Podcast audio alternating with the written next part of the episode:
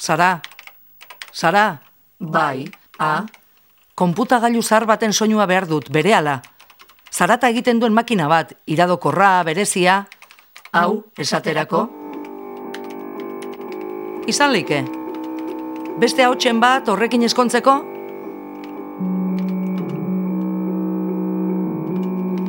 Ez dakipa, proba dezagun impresora laser batekin. Ez aldao, ezer txukunagorik. baina zertarako nahi dituzu soinu. Adimen artifizialak kulturan izan dezaken eraginari buruzko erreportaje bat prestatzen ari naiz, eta ez dakit nola girotu. Adimen hitza baztertzeak giroa asko hobetuko lizuke. Orain hain boladako dauden metadatu kudeatzaileek ez dutelako adimenik. Teknologiari pertsona ezaugarriak eranstea marketing kontu bat da. Bazu ondo adimentsua zara, Sara. Ez, ni zure alterrego gisa sortu duzun programa bat naiz. Ados, baina konputagailuaren betiko teklatu hotxera bueltatuko naiz. Podcasteko erreportajeari heldu behar diogu zuketanik. Ongi etorri ez gatoz Paristik kultur podcastera. Parise banengo, Parise banengo, ez nago Parisen, ez nago Parisen.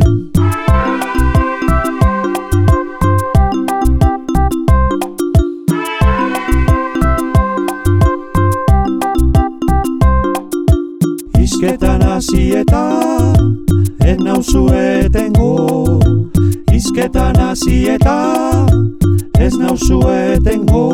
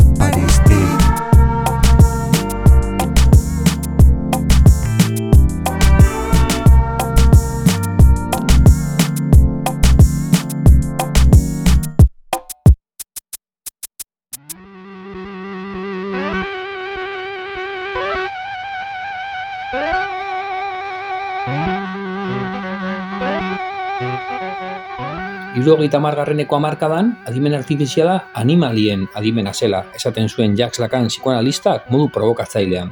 Zer dela eta?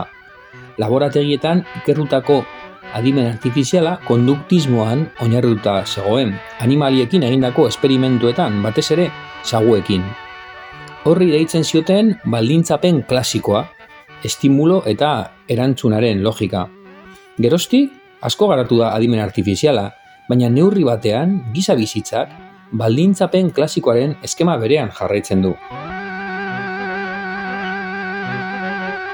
Digitalizazioak eguneroko bizitzaren gida algoritmikoa ekarri du. Horixe dugu dena errasteko asmo honez mozordutako tirania digitala. Zagu kontsumitzaileak baino ez gara,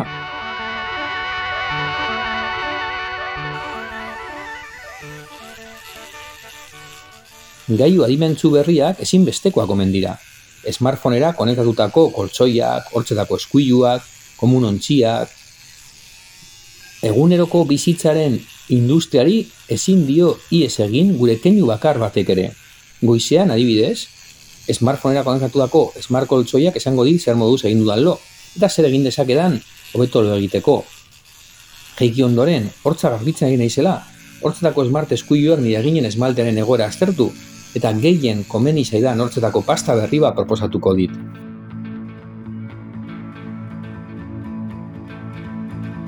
Ez dugu jada ezer erabaki behar. Baina zer da erabakiak hartzea? Etika eta politika oro teknosoluzionismoaren menpe utziko dugu? Nun gelditu da erabakiak dakarten erantzunkizuna? Ze arrazionaltasun ereduari egiten diogu men? Ailu beltzen pantailetan negozio honi inteligentzia artifiziala deitu beharrean, datuen kudeaketa konputazionala deitu beharko genioke Erik Sadinen ustez. Horrela kendu alzaio hitzari hartu duen aura berezia. Bat Horren atzean, data mainin edo datu mehatzaritzaren enpresa pribatu erraldoiak eskutatzen dira, eta saltzen dizkiguten objektu adimentzu horiek erabat inbaditzaileak dira, modu soft batean agintzen badute ere. Baina eskatu Gaur egun aurrek ordu eta erdi gutxiago jolasten dute egunero eta jostailuekin jolasteari lehenago uzten diote. Nerabeek ordu beteko loaldia galdu dute aurreko hamarkadarekin alderatuta, pantailetan harreta jarrita. Eta kirol jarduerak, irakurketa jarduerak, lagune topaketak murriztu dituzte. Helduok bataz beste, lau ordu eta erdi ematen ditugu egunean mezu elektronikoak irakurtzen, sare sozialetan nabigatzen eta seriak ikusten. Horrekin erikatzen dugu adimen artifizialaren monstrua. Arreta, merkantzia utz bilakatu da Google, Facebook edota Amazon moduko enpresentzat. Gure datuak lortzeko ekonomia dute gudu zelai. Aragi Beste garai batzuetan urrearekin, ikatzarekin, gasarekin edo petrolioarekin egiten zuten moduan, datuen estraktibismoa erabaki horra dugu egungo bizimodua ulertzeko. Aizialdiko proletario bilakatu gara, beste nunbaiten arreta jartzea subversiboa izan daiteke, posago biziko ginateke, Arriskutatik Hainbat autore tristura digitala hitz egiten dute. Adimen artifiziala harridura, sorpresa esabatzeko pentsatuta dagoelako. Iraganetik ikasten du datu mehatzaritza delakoaren datuen estraktibismotik, baina modu horretara kalkulatzen duen etorkizuna ez da berez etorkizun bat, espero gabeko gertakariekiko itxua da. Sormen artistikoa, berriz, ezin da modu horretara programatu. Sorpresarekin zerikusia dauka, Obiektu artistikoa beti ere misteriotsua da, ezin da guztiz azaldu, ezin erabat harrapatu, datuetara murriztu. Erradikalki beste gauza bada, datu soietara homogenizatu gabeko singulartasun bat. Eskuak eta eskulangileak berreskuratuko ditugu edo atzamarren paradigman harrapatuta geratuko gara. Izan ere, digitalitzak digitu zen dauka jatorria, atzamarrekin eta zenbatzearekin dauka lotura zuzena, arteare datuetara eta misteriotik gabeko etorkizunetara murriztu daiteke? Horri guztiari uko egin, eta ez dakit zehatz mehatz nola saldu, baina arteak erresistentziarako bidea izaten jarraitzen duela uste dut. Erresistentzia politikoa zein existentzialerako bidea. Lotua Euli baten negadak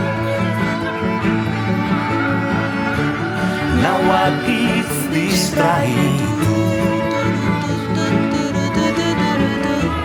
Μόδα σον ατόρι μάλλο Ετα φρίκιν μαϊσού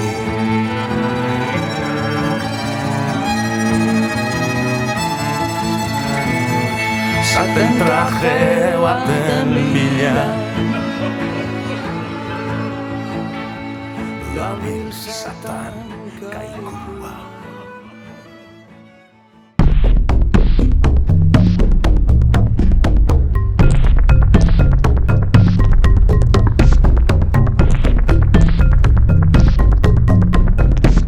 Kultura biziaz eta bizigarriaz hitz egitera gatoz.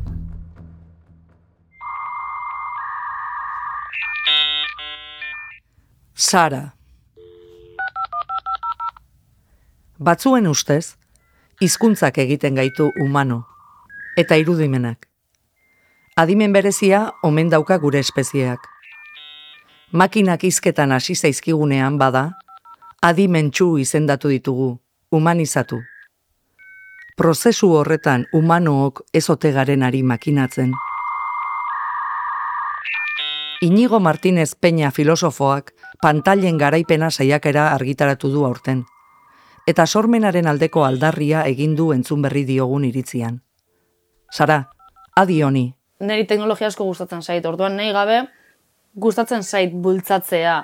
Baina gustatzen zait bultzatzen dugun hori beti egotea ere bai pentsamendu oso oso oso kritiko batetik. Klaro nahi dudala euskera digitalki presente egotea. Klaro nahi dudala nik erraminta hauek euskera erabili ahal izatea. Baina zertarako. Eta nun egongo dira limiteak. Ze hori oso importantea da, Oso, teknologiarekin limiteak jartzea. Kotxeetan ez ditu, ez dugu usten kotxea joaten bosteun kilometro orduko. Egin dezakegu, klaro egin dezakegula. Eta nik uste hortan ari gara kriston liada egiten e, interneten. Ez gaude limiteri jartzen inun, eta limite horiek etorriko dira, bai, izugarrizko dialogo, debate, eta ez, e, jundatorri askorekin. Ez dut uste, lan erresi izango denik. Lorea Argarate ikerlari eta sortzailearen esan hauekin hasiko dugu erreportajea. Zergatik. Adimen artifizialak ekar ditzaken arazoak ikergai dituelako, eta badakielako zer den teknologia horrekin programatzea eta musika, liburuak zein irudiak sortzea. Nik pizkat egiten dudana da jolastu ikasi ahal izateko, ez? Eta orduan, ba, nintzen ikusten, ba, jendea base biela horrelako gauzak egiten, orduan, ba, bueno, nik asko ditut ere euskera probatzeko, argita garbi euskera ezin duzu horrelako zer egin oraindik. Baina zan pizkat ikusteko zenbat lan, bai, eskaini bar zenion, zenbat zen nire sormena, zenbat zen makinaren sormena, zenbat prozesu automatizatu aldituzun, zenbat ez, gariketa moduan egin nuen, ba, pizkatik ikusteko zenbat erramenta erabili beharko nituzkeen, eta ze, bai, ze maila, ze mailatara heldu halko nintzen, ez? Teknologia berriaren nolakoa, desitxuratuta esplikatzen ari zaizkigu argarateren ustez, eta ez kasualitatez. Bat dator berarekin jurre ugarte idazle eta gidoilaria. Berrikuntza hau badatorkigu, ez? Azkeneko oiua eta inork ez du ezer esaten, ez? Baina adimen artifizialaren atzean ideologia ikusezin hegemonikoa dago eta ez beste. Orduan, adimen artifiziala enpresek sortzen dute helburu batzuekin. Eta helburu horiek ez dira beste munduko gauza bat, baizik da dirua egitea. Hori da, haien helburua bosta jola zaie sormena ondatuko bada edo edo sormen industriak edo edo sortzaileak horrekin ondatu eta ezabatuko baditu. Helburu horiekin sustatzen den teknologiak kulturaren demokratizazioa ekarriko digula. Horixe da mantra etengabea. Hasieran bai behar zela programatzea. Programatzailea izan behar zinen eta lehene bai esen hain sexia esan mundu hau guztia. Horregatik esen hitz egiten.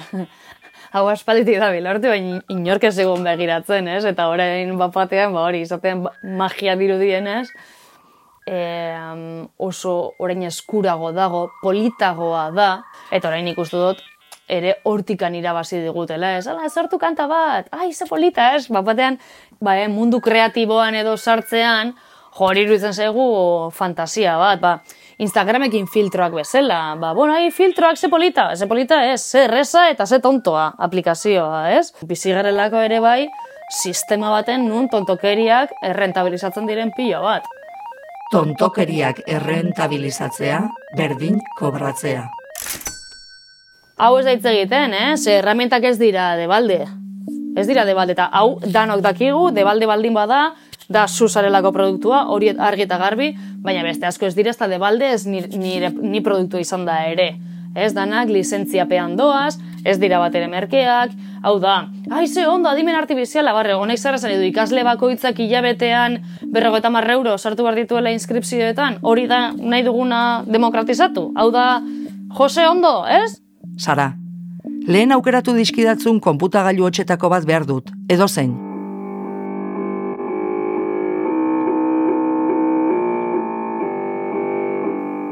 Eskerrik asko. Argaratek esan du. Adimen artifiziala deitzen dioten hori lizentziapean dator. Baina etekinak lortzeko darabilen materiala ez pagatzeko lizentzia hartuta. Eta sektoreko marrazo batzuk, makina lagun, hildako artistak berpizten, interpreten ahotsa eta gorputza manipulatu eta beren mesederako erabiltzen, irudigileen lanak inolako baimenik gabe hartzen, kultur langileen lana ordezkatzen hasiak dira. Eta hori guztia arautzeko eta langileak babesteko neurriak, oi bezala, ez dira inondik ageri. Eta neurriok iristerako, teknologia beste amaika urrats aurrerago egon daiteke. Estatu batuetan jo zuten alarma ozenen. Makinok ordezkatu egingo zintuztegula esaka. Adimen artifiziala arautzeko beharra, kapitalismoaren bihotzean bertan aldarrikatu izana, ez da kasualitatea. Jurre ugartek badu horren berri. Gertutik jarraitu ditu, estatu batuetako idazle idoigileen elkarteak bost hilabetez egin duen grebaren goraberak. Eta adimen artifizialari dagokionez, garaipen bat izan dela uste du. Lortu dutelako alde batetik idazleen esku ustea adimen artifiziala, tresna moduan, tresna erabilgarri moduan, eta adimen artifiziala ez da geratzen, ezin da geratu, hitzarmen honen arabera, ekoizleen esku. Alegia, ekoizle batek ezin du aaren bitartez gidoi bat edo testu bat idatzi, eta gero eskatu idazle edo gidoilari bati idazketa prozesua osa osatu dezan. Enpresaburu asko hori egiteko prest zeuden eta beste esparro batzuetan badaude.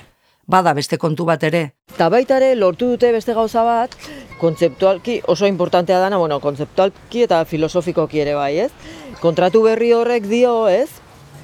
Film eta telebista estudioek, alegia ekoizleek, ezin dutela adimen artifizialak sortutako edukia jatorrizko materialtzat jo.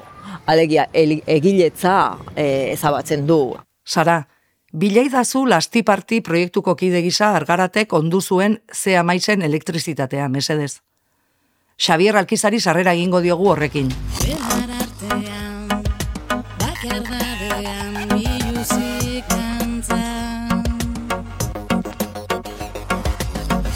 guztirik Lurraren erdian belarrarekin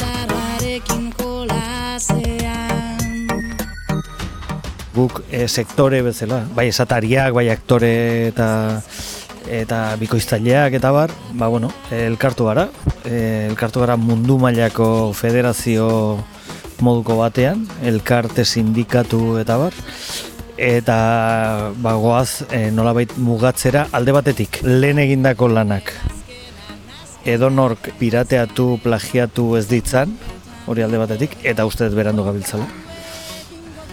Eta beste alde batetik, e, aurreratzean egiten dena e, egondadila babestua, eta gero ba, adimen artifizial horiek izan dezatela gizakiak sortuak ez izanaren marka bat, nola bait.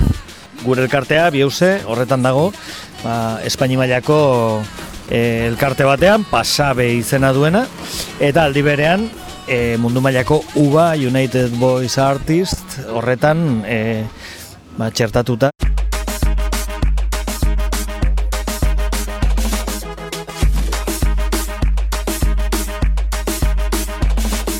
Eskaeratako bat e, da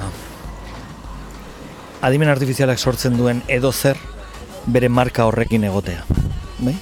Ahotsa baldin bada zentu batekin, koloreak baldin badira argi jarrita, e, guztia egon dadila esan da, eta aurretik esan da, eta markatuta ez nasteko moduan, hori ez dela gizakiak sortutako zerbait. Eta gero, batez ere, hori egiten den lanaren defentsa, ez? Ez dezala inor kostu zuk egiten duzun lana musutruk, e, hori, listo bat delako, edo programa bat daukalako, edo horribili delako, ez dakiz zertan, ez da? Sara, esaldi bat, esaldi bat, nolakoa. Nahi duzun bezalakoa. Amarritz nahikoa. Alkizak plagio hitza erabili duenean kontu batekin akordatu naiz. Hauxe esaldia. Zure ametxetan, adimen artifizialak ez du ametsik egiten. Baldakizu badela programa bat esaldi bakar honetatik abiatuta ilustrazio bat egin diezazukena, eta badirela argitalpenak alako programekin beren orrialdeak ilustratu dituztenak, iazko udan ezagutu nuen, Jon Juarez ilustratzaile nafarrak egin zuen salaketaren arira. Mezu hau zabaldu zuen sare sozialetan. Urlia plataformak copyrighta zeukan nire irudi bat erabili du nire baimeni gabe. Plagio osteko apropiazioaren aroaz mintzo izan da Juarez.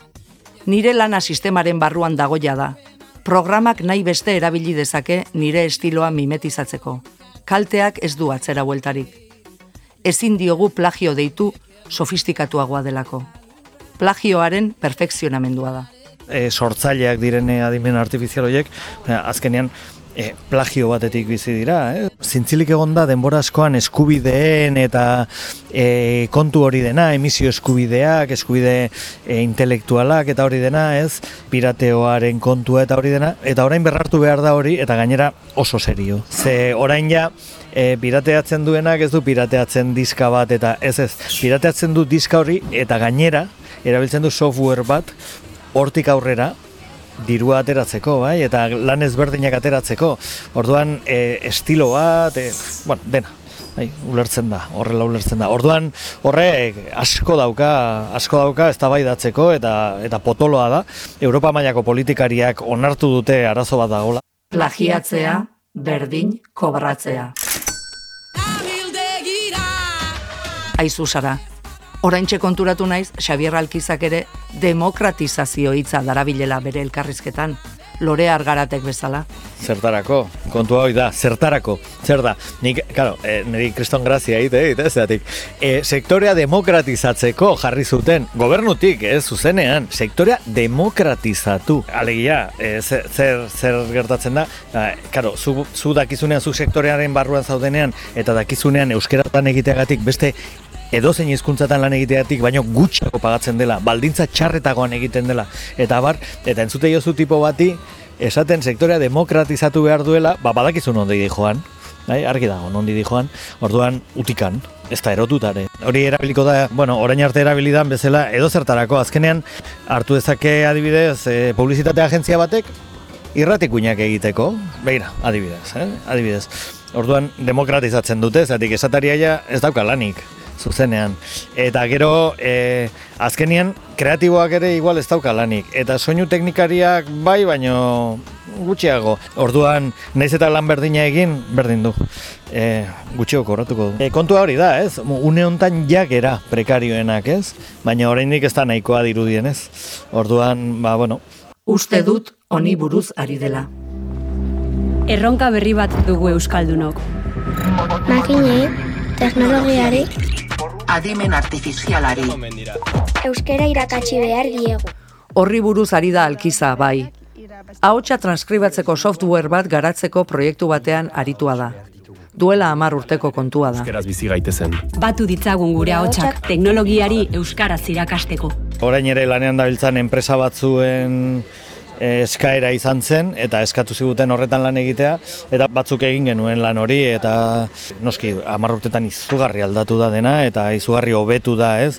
Baina bueno baten batek ere kontuak atera beharko lituzke ez? Orduan gastatutako milioi guztiak nora joan ziren. Ezertarako ez baitzun balio izan. Gobernuaren kargu batzuk ziren eta berentzat eta bar eta oso enpresa konkretu oraindik ere elikatzen diren oso enpresa konkretu batzuta egindako eskaria zen eta bueno hor geratu zen Duela hamar urte Euskarak etzeukan nahiko korpusik alako lanetarako. Oraindik ere ez. Hori ere mantra baten tankeran errepikatzen zaigu egun. Horregatik erakutsi behar omen diogu Euskaraz hitz egiten adimen artifizialari. Makinari.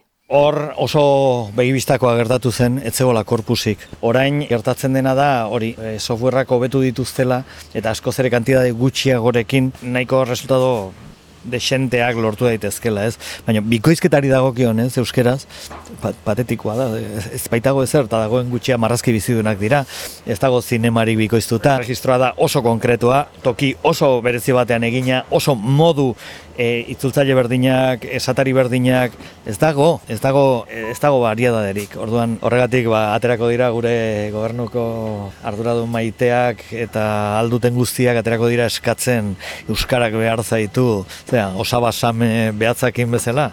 Ba, holaxe. Eta gai izango dira gainera, hori, hor, benga dirua sartzea, zetik azkenean e, beraiek egindako borotz pila bateri erantzuna emateko modu bat da, ez? Hogei urte egon gara ezer gabe, ba, bueno, orain orain ikusiko duzu, orain jarriko dugu adimen artifiziala euskeraz bikoizten ikusiko duzu ez ondo.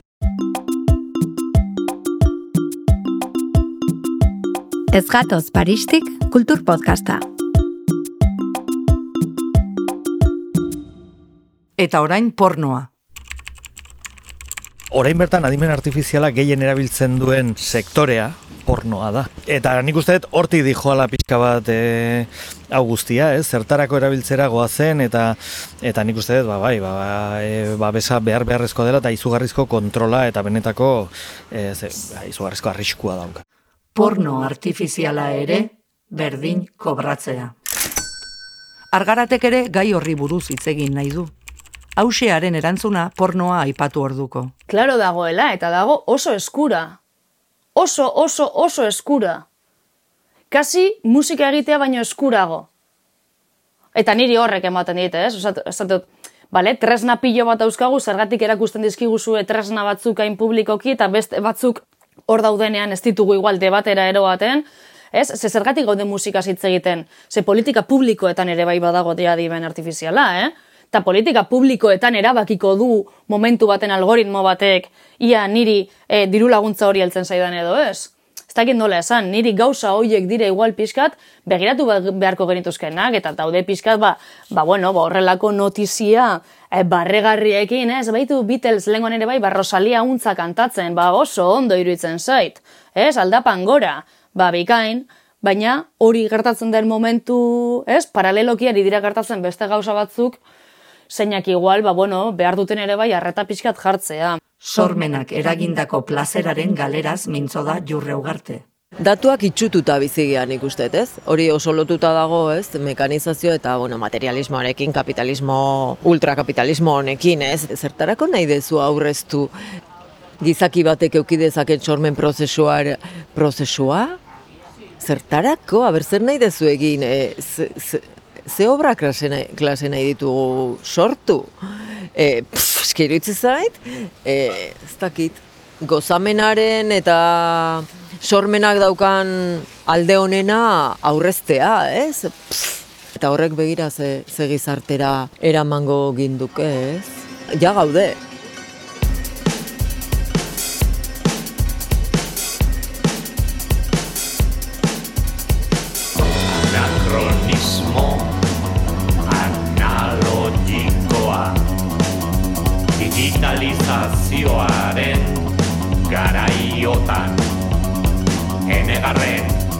Ni teknologiaren alde nago, baina beti erabilerarekin, ez?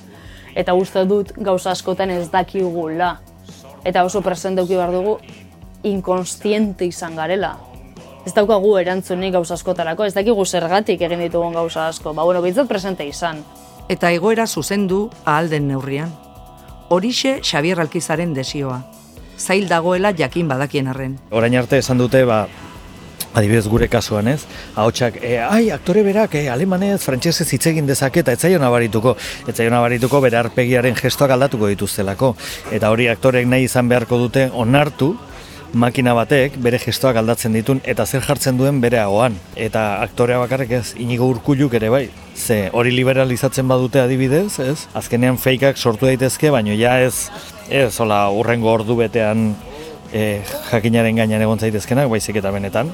Osea, sartu daitezkeen gauza brutalak, ez? Eta nik ez dut uste hori edonoren esku egoteko zerbait denik. Ez dut uste. Eta baldin badago izan behar du izugarrizko kontrol legalarekin. Kontrol hori etorri bitartean, sormenari eskainiak genizkion tarteak makinek klonatutako keinu, irudi, doinu, esaldi eta zirrimarrekin betetzen ari zaizkigu noiz eta gezurrezko albisteak mas mediak kolonizatzen hasiak diren garaiotan. Fake kultur sistema batetaz ari zara. Konspiranoiko deituko dizute. Beldurra hitza erabili dute hiru elkarrizketatuek, behin baino gehiagotan. Euretako bik lana egiteko aukerak galtzeko kezkatik gehien bat. Etorkizunari atea jartzea zaila da, ez? Baina ez dauka inor zertan nik egindako lan bat ostu, bai? Orduan hori e, legeztatu daiteke eta oso garbi jarri daiteke eta bueno, e, doainik oparitu nahi dionak e, gobernuari edo zein enpresari opari dezaiola, baina besteok e, gure lan apreziatzen dugunak edo pentsatzen dugunak balio duela zerbaitetarako jarri ezaiogun esi bat horri, ez? Ez badago esi hori hemen, ni zorratuko, earki zorratuko nau, bai, noski. Neri gidoi bat eskatu beharrean, ekoizle txatxu batek, neri erosten dit argumento bat, alegia, oinarria. Agero beak sartzen ditu argumento horrek dauzkan, ez? Elementuak. Hirugarrenak teknologia jakin baten besoetara itxu-itxuan eta inolako gogoetari gabe doan gizarteak ematen dion beldurretik teknologiak sartzen dizkigun golak dira, hain azkar doala, ez digula ematen denbora pentsatzeko, ez? Zergatik sartu dira gure eskoletan Google portatilak? Inork ez zuelako debaterik, euki? Piskat pentsatzen baldin baduzu, badakizu hori ez dela erabaki honena. Gure eskola publikoetan Google portatilak egotea, kasi zero urtetatik? Inolako bide laguntza gabe? Bueno, bueno, bueno, bueno. Ez dakit, ba uste dut hemen ez berdina gertatzen ari dela. Klaro dela gauza bat atento egon behar garela, klaro dela gauza bat lurralde moduan, ez?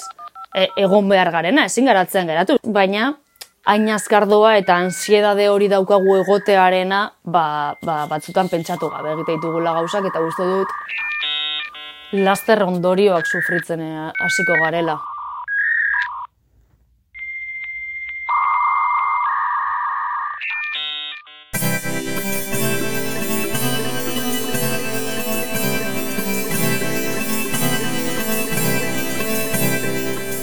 Zubi mutxu bat. Gaurkoa, don inorrezek emana. Kaixo, Imanol Lube da naiz, doninorez e, taldeko kidea. Ez dut besterik behar izeneko kanta aurkeztu nahi dizuegu, kanta honen oinarrian Jon Benitoren e, poema bat dago, poema hau lagun minak liburutik hartu dugu, eta liburu hau farmazia beltzak plazaratu zuen duela gutxi.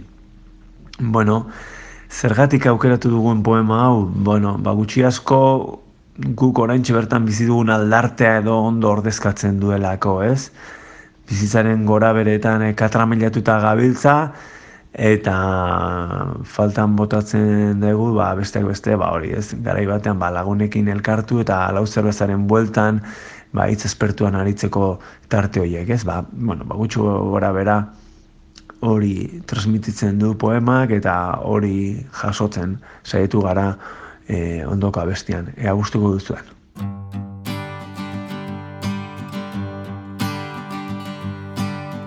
Gauzar bat gurekin Aspaldeko kontuak esan Lau zerbeza berriz ondoan sentitu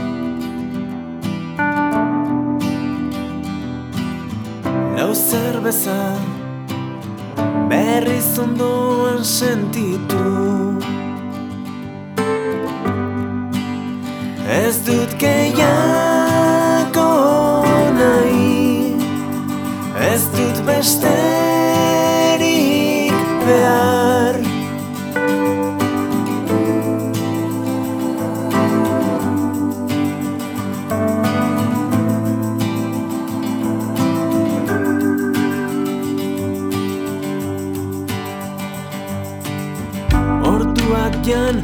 elkarrekin lotu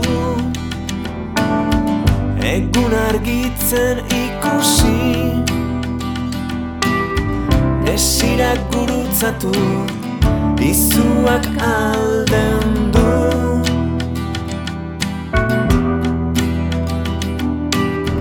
Desirak gurutzatu Izuak alden du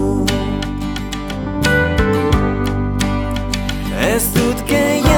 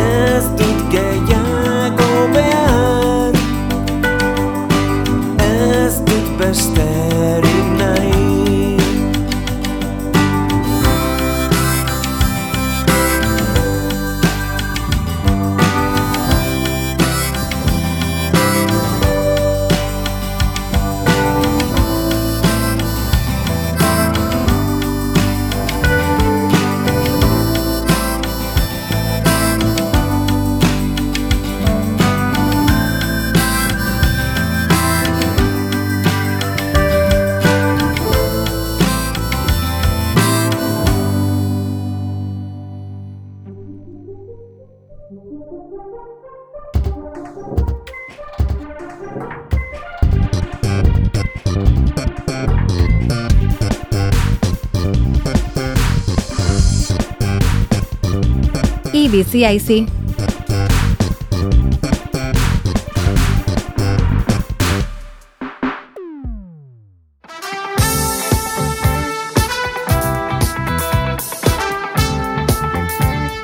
Itzultzea gogorra da.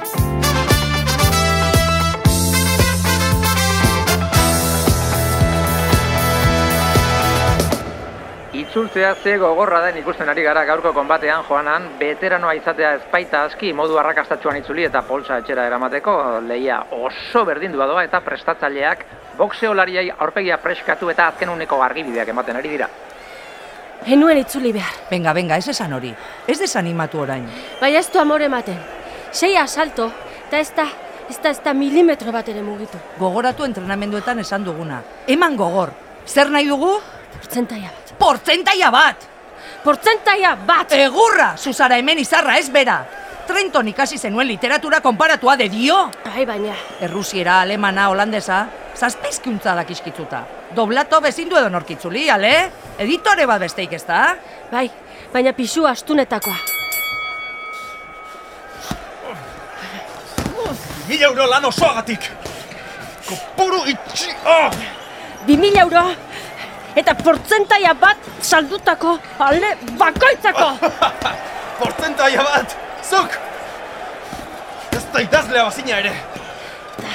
Eta nire izena nahi dut azalean. Kontrazalean! Gehienez! Eta mila euro! Baterez gehiago! Idazleak baino urrunago iristen gara itzultzaileak. Galdetu! Galdetu Angel Lertxundiri! Bai! Amase garren konbatean, aidanez! To izen azalean! Ah! ah! Euneko irua! Euneko bat eta erdi! Bi mila alde saldu eta gero! Zer? Doplato ben liburu batek ez ditu, ez ditu sekula bi mila ale salduko. Egin ondo zure lana, eta salduko ditu! Agota Kristofek saldu zituen!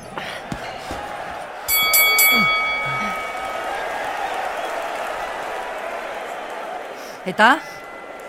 Kontrazalean izena eskaini dut. Eta bi mila euro. Ez da pentsature. Portzentaiarik ez? Euneko bat eta erdi. Baina bi mila ale saldu ondoren. Kabroia hori iraingarria da. Ez etxi, nekatzen hasita dago. Portzentaia ala hil. Portzentaia ala hil.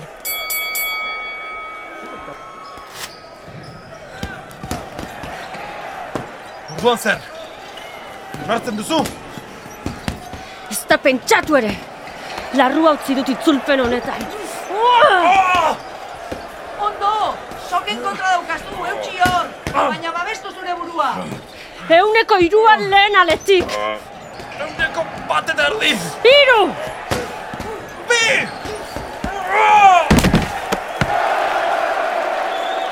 Ai ama, baina menperauta zen eukanda. Ez sinesteko, izugarria ikusi duna, izugarria, ze gogorra den itzultzea, ez da, Juanan? Así como te espero noche y día, así tú no me esperas todavía. El corazón entero yo te traje y tú solo me diste un porcentaje. Así como mi vida puedo darte, tú guardas para mí solo una parte de todos los suspiros que escapan de tu boca. Qué poca comisión la que me toca. Yo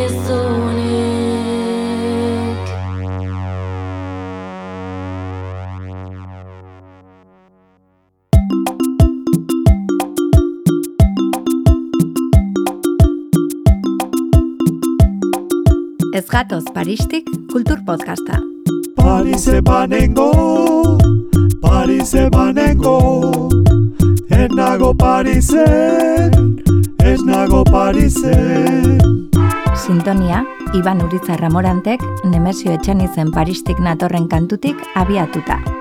Ibizi aizi, Arkaitz kanok idatzia eta kanok berak Xanti Agirrezabalak, Amagoia Gurrutxagak eta Erika Olaizolak lokutatuta. Soinu errealizazioa, Ander Mujikak. Gidaritza, Amagoia Gurrutxagak. Esker bereziak Kultura Zazpitiko Kultur Kooperatibari eta Amaia San Bizenteri. Lan artea, Euskararen langile profesionalen elkarteak ekoitzitako podcasta.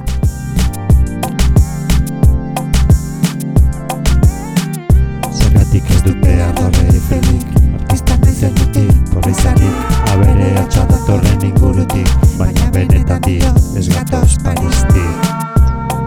Σγατός παριστή Σγατός, σγατός παριστή Σγατός, σγατός παριστή Σγατός